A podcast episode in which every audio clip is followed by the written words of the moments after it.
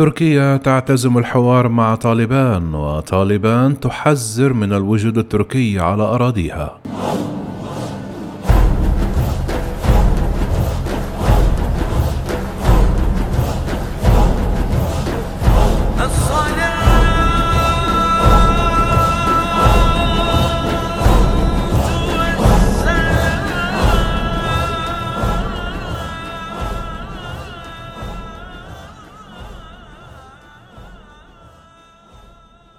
اعتبرت تركيا هذا الأسبوع الرسائل التي وجهتها حركة طالبان منذ سيطرتها على السلطة في كابول إيجابية وأعلنت أنها تنوي إجراءات مباحثات مع الحركة. ولدى تركيا مئات العسكريين في أفغانستان لضمان أمن مطار كابول إلى جانب الولايات المتحدة الأمريكية.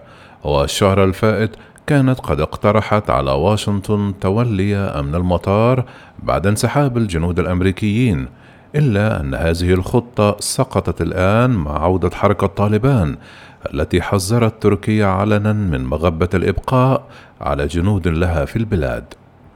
وقال وزير الخارجية التركي مولود تشاوش أغلو خلال مؤتمر صحفي مشترك مع نظيره الأردني في عمان. نرحب بالرسائل التي وجهتها الحركة حتى الآن إلى الأجانب والبعثات الدبلوماسية أو إلى شعبها أيضا. نأمل أن تترجم ذلك في أفعالها وأضاف نستمر بالتحاور مع كل الأطراف في أفغانستان ومن بينها حركة طالبان. كما أضاف وزير الخارجية التركي الآن سيتحاور الأفغان فيما بينهم. من سيتولى المرحلة الانتقالية؟ ماذا ستكون عليه تركيبة الحكومة المؤقتة التي سيشكلونها؟ سنرى كل ذلك ونتناقش. كما أوضح تشاوش أغلو أيضا أن عمليات إجلاء الرعاية الأتراك والأجانب الراغبين بمغادرة أفغانستان ستستأنف ما أن يستقر الوضع في مطار كابول. يذكر أن تركيا أجلت الاثنين أكثر من 300 من رعاياها في الطائرات الأخيرة التي غادرت المطار وقال الوزير لا نكتفي بإجلاء رعايانا بل رعايا دول أخرى أجرينا اتصالات ببعثات أجنبية كثيرة بهذا الخصوص. في المقابل عملت حركة طالبان على إعادة تشغيل المرافق والمؤسسات في كابول بعد سيطرتها عليها عبر دعوة الموظفين الحكوميين للعمل على الرغم من حظر السكان وخروج عدد قليل جدا من النساء من منازلهن وعبر بيان أعلنت عنه الحركة يوم الثلاثاء الفائت بعفو عاما عن كل موظفي الدولة داعيا إياهم إلى معاودة العمل. وجاء فيه لقد صدر عفو عام على الجميع لذا يمكنكم معاودة حياتكم الطبيعية بثقة تامة. كذلك أعيد فتح بعض المحلات التجارية مع عودة شرطة المرور إلى الشوارع. فيما يستعد مسؤولو حركة طالبان لعقد أول اجتماع دبلوماسي مع السفير الروسي. كما أجرى مسؤول في طالبان مقابلة صحفية في قناة إخبارية أفغانية. وتوجه حركة طالبان رسائل تطمينية للخارج والداخل الأفغاني إلا أن الكثير من الأفغان يخشون أن تفرض الحركة حكم الشريعة بشكل صارم كما فعلت عندما حكمت البلاد بين عامي 1996 وعام 2001 مع منع النساء من العمل أو الدراسة. ومن بين هذه الإشارات تسجيل صوتي بثته شبكة طلوع نيوز المحلية. نسب إلى الملا يعقوب رئيس اللجنة العسكرية لطالبان متحدثا إلى قواته بأن المنازل الخاصة في العاصمة الأفغانية محظورة كما يجب عدم سرقة السيارات الشخصية.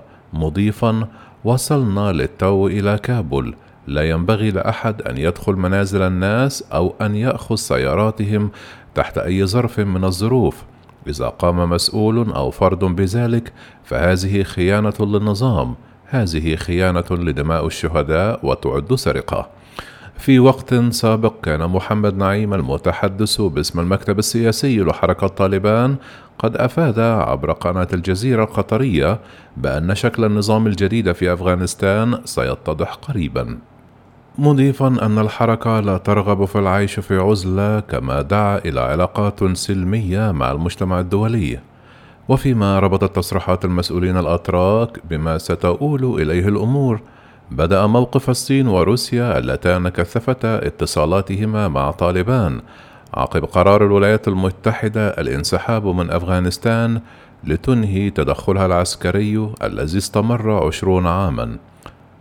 فقد أبقت روسيا سفاراتها مفتوحة في كابول وتستعد الآن لإجراء محادثات مع طالبان. وقد اعتبرت الخارجية الروسية أمس الاثنين الوضع في كابول يتجه نحو الاستقرار. من جهتها أبدت الصين التي تتشارك حدودا مع أفغانستان. تمتد بطول 76 كيلومترا استعداداتها الاثنين لإقامة علاقات ودية مع طالبان. لكن تلك الحدود تمثل مصدر قلق كبير لأنها تمتد بمحاذاة يونغ يونغ وتخشى بكين أن تستخدمها جارتها منصة للانفصاليين الأجور. ولطالما استشار المبعوث الأمريكي الخاص إلى أفغانستان زلماي خليل زاد روسيا والصين خلال محاولاته الدبلوماسية التي باءت بالفشل لتشجيع التوصل إلى اتفاق سلمي لتقاسم السلطة. وذلك بعد انسحاب الولايات المتحدة الأمريكية.